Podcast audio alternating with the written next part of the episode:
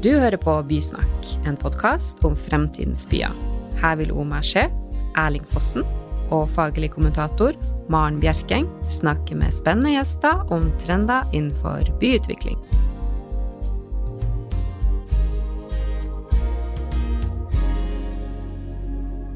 Hei igjen, eh, kjære lytter. Takk for at du stikker eh, innom også i dag.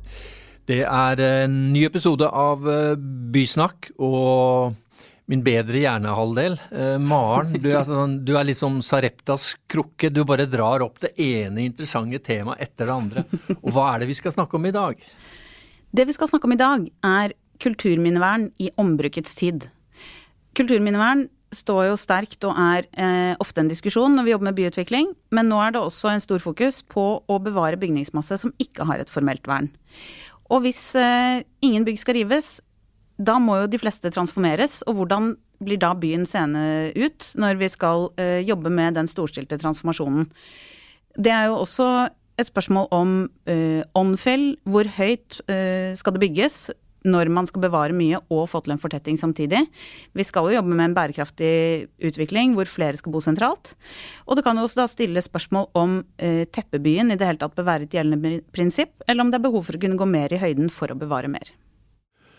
Det høres interessant ut, og til å diskutere dette har vi da fått eh, byantikvar eh, Janne Wilberg. Du er jo en institusjon i Oslo. Jakob Krupka, framoverlent utvikler i Møller Eiendom. Jeg regner at dere har da til enhver tid mange saker gående på, ikke på privaten, men uh, løpende saker, som vi, vi, skal prøve i hvert fall å løfte blikket. Men for å starte med deg, uh, Janne Wilberg. Kulturminnemyndighetene har vel heie på dette nå, at eh, bygg får nærmest et sterkere vern per se. At nå er, skal det veldig god begrunnelse til for at bygg skal rives. Men det jeg ikke tror dere har tatt inn over dere, er da at det krever da desto større endringsvilje for den eksisterende bygningsmassen. Så nå kan du egentlig, må du akseptere at vi skal klusse med alle byggene dine, Janne. Nei, det skal jeg i hvert fall ikke akseptere. Men dette, vi føler jo i Kulturminnevernet at dette er innertier. Vi har i veldig mange år snakket om at det er ombruk som er veien videre. Og så er det ordet transformasjon. Definisjonen på det, det er fullstendig omforming. Eh, og det er den ene delen av spekteret. Mens det vi holder på med i Kulturminnevernet er endringsadministrasjon. Så det er grader av dette. Så selv det med sterkest vern, eh, der er det muligheter til å gjøre mindre endringer. Eh, eh, så eh, jeg ser lyst på fremtiden, jeg, i forhold til at dette skal vi nok få til. Jakob Krupka, eh, i Møller Eiendom, dere har jo vært flinke med Harbits torg, hvor dere har tatt vare på laboratoriebygget. Det har i godt samarbeid med Byantikvaren, regner jeg med. Men eh, ser du også det eh, nå som da deres hovedfokus, at man skal se på hvordan eh, bygg skal videreforedles eller videreutvikles, framfor at man tenker som så litt kynisk ja, dette skal vi rive, her skal vi bygge nytt. Er det, er det, siver også denne endringen da inn hos utviklerne? Uh, ja. Uh, også jeg tror jo Vi, altså vi har jo lagd noen sånne prinsipielle strategier for hvordan vi Møller Eiendom skal jobbe fremover med by- og, og, stedsutvikling. Og et prinsipp som vi er veldig opptatt av, er at vi skal være rivebevisste. Altså Jeg syns ikke det ordet riveskam er så veldig smart. fordi det, det, er litt sånn populistisk, og liksom, da assosierer man riving med en gang med noe negativt. og Sånn er det ikke alltid. Det, det kan godt være at riving er fornuftig i noen tilfeller. Så, så, så, vi er blitt mye mer bevisste rundt dette hvorvidt man skal rive et bygg eller ikke, og det at man gjør innledende analyser for å vurdere om det er noen mulighet for ombruk eller ikke.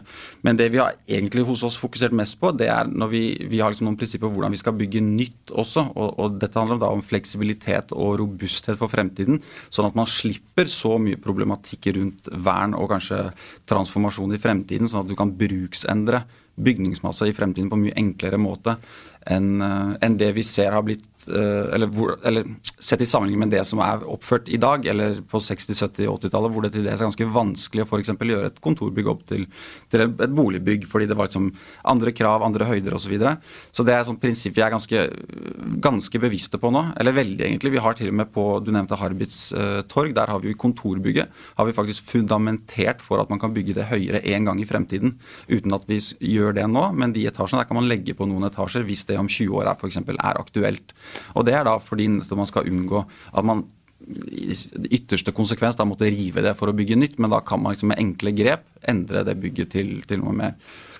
Hvordan oppleves da dialogen med kulturminnemyndighetene? Er det sånn at uh, de kommer med sitt sett av kriterier som er uh, transparente, de er forståelige, og så er det en sånn pragmatisk forhandlingsvilje som gjør at man kommer fram til gode resultater? Ja, altså jeg tenker altså Det som er vanskeligst for oss som, altså Nå er ikke jeg noen person noen kulturminnevernekspert, og det er liksom viktig å fremheve, fordi du har ofte miljøvern er blitt veldig viktig nå. ikke sant, Alt det samfunnspolitiske osv. Og så har du kulturminnevern. Og Ofte så kolliderer det litt da i prosjekter. Du har på en måte lyst til å, altså du vil tilfredsstille alle, og så er det ikke alltid like enkelt. Og så vet man ikke helt hva som teller mest, da, hvordan du skal vekte det her. Eh, du kan si ok, vi bevarer eller transformerer dette bygget, får ikke til det vi opprinnelig hadde tenkt av fortetting eller utnyttelse. Uh, og så sier den andre siden at ja, men vi må fortette, for det det sier Oslo kommune. Vi skal nå 100 000 nye boliger om, om 20 år, uh, og da må vi fortette sentralt. Og da må man jo vekte det. Og da hadde jo egentlig, syns jeg, uh, vært bedre dersom Kanskje det var klarere fra politisk hold eller fra hold høyere opp, da, hvor på en måte denne vektingen av kulturmiljø og hva heter det, vanlig miljø, altså miljøvern, om det var litt tydeligere. At, man liksom, at det var et et, et, et, rom hvor man samles og diskuterer det og liksom vekter det på et prosjekt, sånn at det blir liksom tydeligere at det, i dette caset så er faktisk dette viktigere. Men jeg tror jo det er at nettopp det med prioriteringer, og det er jo det er vanskelig å si at de byggene de kan man gjøre hva man vil med, og de ja. uh, må man beholde som de er. Fordi det er grensesnitt, og det er byveven samlet sett som man må se helhetlig. Og det er der utfordringene kommer. Uh, og der tror jeg at nettopp det du er inne på med om det er et kriteriesett, eller om det er en metodikk for å uh, se på prioriteringer, og se på hva er det man faktisk da skal tilføre av nytt? Hva er det viktigste å få til i dette området? Og der er det jo eh, det er jo, eh, Der tror jeg at en løsning er nettopp det å sette seg ned og ha en dialog rundt det. Og at eh, vi som utviklere må tenke med litt prøve å ta på oss vernebrillene, men at også eh, byantikvaren kanskje må utfordres til å tenke litt mer eh, prioriteringer og utbygging og hva er det man skal få til. Og når man har den typen dialog, så får man jo til et godt resultat. Det har jeg jo eksempler på. Men bare da, få inn deg igjen, Janne. fordi Det som jo er interessant nå, som Jakob er inne på nå, er at nå kan jo faktisk bygg kunne vernes uten at det har noe kulturminneverdi. Men er det slik også at det er byantikvaren som da skal hva skal vi si, leke Blekkulf? da, altså Også ta hensyn til eh, miljøkrav og CO2-utslipp og Eller hvordan kommer det? Vet du hva, det er veldig egentlig deilig at du tar opp det. Nei, det er ikke vi som skal ha den rollen eh, der. Men eh, jeg har bare lyst til å si, og det er for å sette ting litt i relieff, det er altså bare 11% av bygningsmassen i Oslo som står på vår gule liste. Og det er bare en tredjedel av de 15 000 bygningene som faktisk har et formelt vern.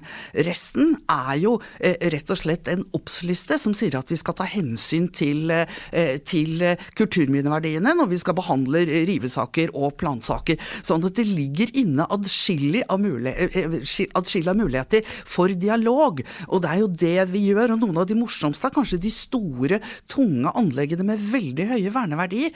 Også der får vi til noe. Men det er viktig at man har et, eh, en løsningsorientert og dialogbasert prosess, og kommer riktig ut fra start. Men hva er det dere da ser etter? Fordi Hvis man skal vurdere da eh, et byggs transformasjonspotensial, så må man vel ha noe kriterier. Og hva, hva er det dere da ser etter, når dere da ser på da forslag til eh, nytt bruk av eh, en verneverdig eiendom? Altså, Vi har jo en smørbrødliste av eh, kriterier som vi vurderer en bygning ut fra. Men det som kanskje er viktig å spørre seg, også for eierne, er egnethet. Altså Man kjører på med store mulighetsanalyser, og hvor gjerne utbyggerne slipper arkitekter og andre helt fritt i forhold til at det faktisk er noen reelle bindinger og hensyn man må ha. Så hvis du snakker om å jobbe smart, så er det noe med å ta inn over seg allerede før man lyser ut arkitektkonkurransen, at man må forholde seg til at det ligger, eh, at det ligger noen eh, bindinger der. jo, for jeg tenker at der er det jo også noe med Man har en del verne både bestemmelser og plankart i kommuneplanen, og det er et hierarki av Hvis man skrur på, liksom prøvd å skru på alt som er av vern i kommuneplankartet digitalt, det er gøy, for da er det veldig, veldig mye farger oppå hverandre. Og den tolkningen der tror jeg for mange utviklere også er Hva er egentlig konsekvensen? Eh, man har også da prioriteringer. Eh, ikke sant? Hvis du sier at dette er et område, du var inne på det, Jakob, med et område som kan utvikles med i teorien opptil 400 utnyttelse. Eh, og så er det et bygg på gul liste. Hvordan skal man da forholde seg til det når det er et utviklingsområde, og så kanskje man går inn og kjøper det med en forventning om at her kan man utvikle, og så kommer det, det er den typen eh, situasjoner. Eh, når ting er på gul liste. Gul liste er jo eh, ting som er Det har jo ikke et formelt vern ennå, for man har ikke tatt endelig stilling til det. Eh, sånn at da kan Det er litt sånn den, den, der, gjerne gamle industrianlegg også, som er i Eller deler av industrianlegg som er i utviklingsområder. Da, der kommer det Fordi det er veldig lett å si at ja, men dette bygget i Kvadraturen, det kan dere gjøre hva dere vil med, for det er ikke verneverdig. Eller dette har høy verdi. Men de derre kombinasjonsområdene, hvor deler vurderes som uh, verneverdig, uh, det tror jeg er kanskje der liksom hoved... Uh, ligger med tanke på avklaring, forutsigbarhet når man går inn i det. Hvis man ikke har, har den kunnskapen som byantikvaren har om hvordan man skal gjøre det, og da den omforente forståelsen av hvordan man jobber seg fram til et resultat. Men bare da for uh, ikke-ekspertene. Den gule lista, uh, byantikvaren er jo uh, Du er jo dronningen av lister. men hva er, det, hva er det formelle kriteriet for at du skal ende på en gul liste? For da er du ikke fredet, men det er og ikke regulert bevaring. Nei, ja. det, nei, å, her må vi rydde. Gul liste den består egentlig av tre kategorier. Eh, det ene er det som er fredet etter kulturminneloven. Det er jo statens verneredskap. Så er det det som er vernet gjennom plan- og bygningsloven. Det er kommunens verneredskap. Og så i tillegg er det de såkalt kommunalt listeførte. Og det er rett og slett en faglig vurdering som Byantikvaren gjør av at denne holder mål, sånn at vi, hvis det skulle bli nødvendig, må være villige til å regulere det til til bevaring. Men så er det jo veldig mange bygninger og anlegg som ikke når opp der, men som allikevel har en eh, lokal verdi. Og det er den vi ser eh, hoven av, eller hoven av, eh, eh når det er snakk om eh, dette med transformasjon av områder. For vi mener at det er en del, og det er den grønne listen eh, som vi snakker om, at, at, bygninger som er viktige lokalt, men som vi ikke vil formelt verne, at de bør overleve i en eller annen form. Og der ligger et stort transformasjonspotensial. Det er veldig rart hvis du kommer til Løren i dag. Eh, det, det, eneste som er igjen der, og det dreier seg om gatenett og hva det måtte være, er altså noen få bygninger som vi vernet gjennom landsverneplan for Forsvaret i sin tid. Hadde vi visst at alt ville bli borte, så hadde vi kanskje sagt at her må man prøve å sørge for å ha med seg noen av de bygningene som står her. De tåler streng, eh, eller ikke, nei, sterk transformasjon. eh, eh, og, og, og, det, for all del, det skal ikke vi styre. Jeg oppfatter at vi er ganske eh, forutsigbare i forhold til at det som står på gul liste, ja, det kjemper vi for. Og jo høyere verdiene er, eh, det svikter er det faktisk å ta vare på dem. Og så har jeg lyst til å si at en del av de tingene som bare er kommunalt listeført, de er i fredningsklasse. Men den jobben med å identifisere det over hele byen, det har vi faktisk i hovedsak gjort. Ja, nå, nå kompliserer du det litt igjen, men, men det, jeg tenker bare til eh, Jakob. Uh, jeg, kan, jeg, har litt eksempel, replikker på det som ble sagt. Ja, ja. Men, men, bare litt for å følge opp det, da. Men... Jo, men bare fordi jeg tror at uh, utviklerne før, når de kjøpte et svært område, så tenkte de på hvordan skal vi bli kvitt det gamle herket. Men nå er det snarere tvert imot. Hva, hvordan kan vi gjøre, bruke det for å skape verdi for hele området, det, som type laboratorium mm. på Harbis torg? Men det er jo ikke noe helt nytt heller. fordi det er jo noe som vi har sett i mange prosjekter, at det å bevare noe, nettopp som Janne er inne på, det gir en identitet som for, Hvis man skal ta på seg arkitektrollen, ja. så er det ganske takknemlig å ha noe som gir litt motstand. At det er ikke bare start fra scratch på alt. Så, ja. så det er jo noe som man har på en måte men det har, blitt, det har fått mer oppslutning nå, kan du si. Uh, jeg synes, altså, Transformasjon er kjempespennende, syns jeg personlig. Og, og, og så syns jeg det er morsomt i kontekst av dette arkitektoppropet nå. fordi jeg tenker liksom arkitektopprøret og oppropet og transformasjon på vei inn. altså liksom Tiden for ganske sånn døll arkitektur er faktisk over, uh, tror jeg. Nå kommer det til å skje masse endringer. Uh, men det som er vanskelig, igjen da til, til poenget Løren eller andre steder, er at hvordan for, for eksempel, hvis noe er på gul liste, så er det sånn Hvordan forvalter du den definerte verdien i det. For det kan f.eks. være at eh, Byantikvaren mener at det er konstruksjonen i seg selv er interessant. Ikke, ikke utformingen og hvordan det møter byen, men konstruksjonen. Fordi det er få typer av den konstruksjonen i byen. Og der kan vi ofte være uenige. At vi tenker at ja, konstruksjonen er kanskje interessant, men for oss er det mer interessant som en transformasjon å bevare egentlig historiefortellingen. Mm. Mm. Sånn at uh, vi klarer ikke helt å se verdien av f.eks. konstruksjonen eller dekket, men vi tenker at mm, det er veldig gøy å fortelle at dette har vært her, og så pakker vi det inn kanskje sammen med noe nytt, eller transformerer det til, til noe annet. Forsterker det, rammer det inn. Og da er det historiefortellingen som vi velger å legge fokuset vårt på. Da. Og der er det jo alltid litt Eller kan fort bli mismatch, da. Men da må jeg jo bare si oppgaven vår er å ta vare på de fysiske sporene. Ja. Fortellingen er vi også opptatt av, men det er for oss en tilleggsdimensjon. Og så har vi jo ikke sagt at eh, kulturminnevern er en del av eh, miljøvernet i Norge. Det tilhører det samme departementet. Eh, så den skal vi kanskje ha med seg, at det ikke nødvendigvis er, står i motsetning til hverandre, men man bruker det med vett og forstand. Men det handler om, og de beste prosjektene er der hvor man setter seg rundt bordet og sier hva er viktig for deg? Eh, og hva er viktig for deg på den andre siden. Eh, og ut av det kan det komme morsomme ting, også kreative ting. Hvor hvis vi sier at ja, det kan du bare glemme å gjøre veldig mye med, men skal du gjøre noe, så er det et potensial her. Men dette handler om også å bygge tillit. Mm. Men det er jeg jo veldig enig i, fordi når man når man faktisk har den dialogen med Biancarna, man også får den tilbakemeldingen Men her, det kan vi være med på. Her kan du Dette er greit. Eh, da er det også lettere å, å, gi og ta begge veier. Eh, så det å få til den typen, en annen dialogbasert eh, utvikling av prosjektene, det tror jeg har noe for seg. Og så er det jo det å og på en måte kunne Jeg tror det ligger et eller annet der med den, de tingene som er litt uavklart, det uforutsigbare, men også komme litt inn på det som gjelder eh, de byggene som uh, har et vern. Men hvor man kanskje er uenig om hvor sterke grep man kan gjøre med dem. For jeg uh, fordi jeg tror det er, liksom, det er litt kjernen, fordi um, en ting er hva som vurderes som verneverdig av det fysiske, men det er jo også noe med vern gjennom bruk, men ikke bare gjennom bruk, men det å tilføre noe nytt som på en måte gjør det til en Gir det et nytt liksom nye hundre år, en ny attraksjon. At det blir eh, Og det syns jeg man ser mer av om det er i London eller eh, i Paris, at man tillater litt kraftigere grep, sånn at det kan henge sammen. Fordi hvis man bare skiller byggene på dette er verneverdig, det skal forbli som det er, her kan man transformere. Det, det er jo noe med byveven og sammenhengen mellom ting. Eh, og særlig når man ser på sånn som uh, Harbits, hvor det er flere bygg, og man skal ha nye bygg sammen med de eksisterende. og Det er mer komplekst enn ett og ett bygg.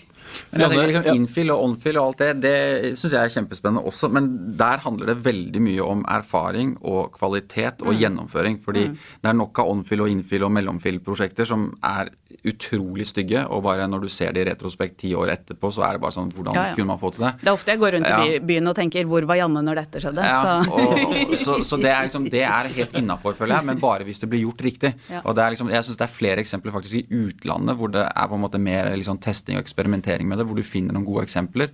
Og det er ikke så mange gode eksempler, syns jeg faktisk, i Oslo. Men der er vi inne på det med kvalitetskravet, ikke sant, også, som er kommet opp som en mye større mm. diskusjon nå. Men, men, det er også da til deg, Janne. Eh, Byantikvaren er jo veldig opptatt av tilbakeføring, men her snakker vi om videreføring. Og da eventuelt da å gi bygninger eh, nytt liv.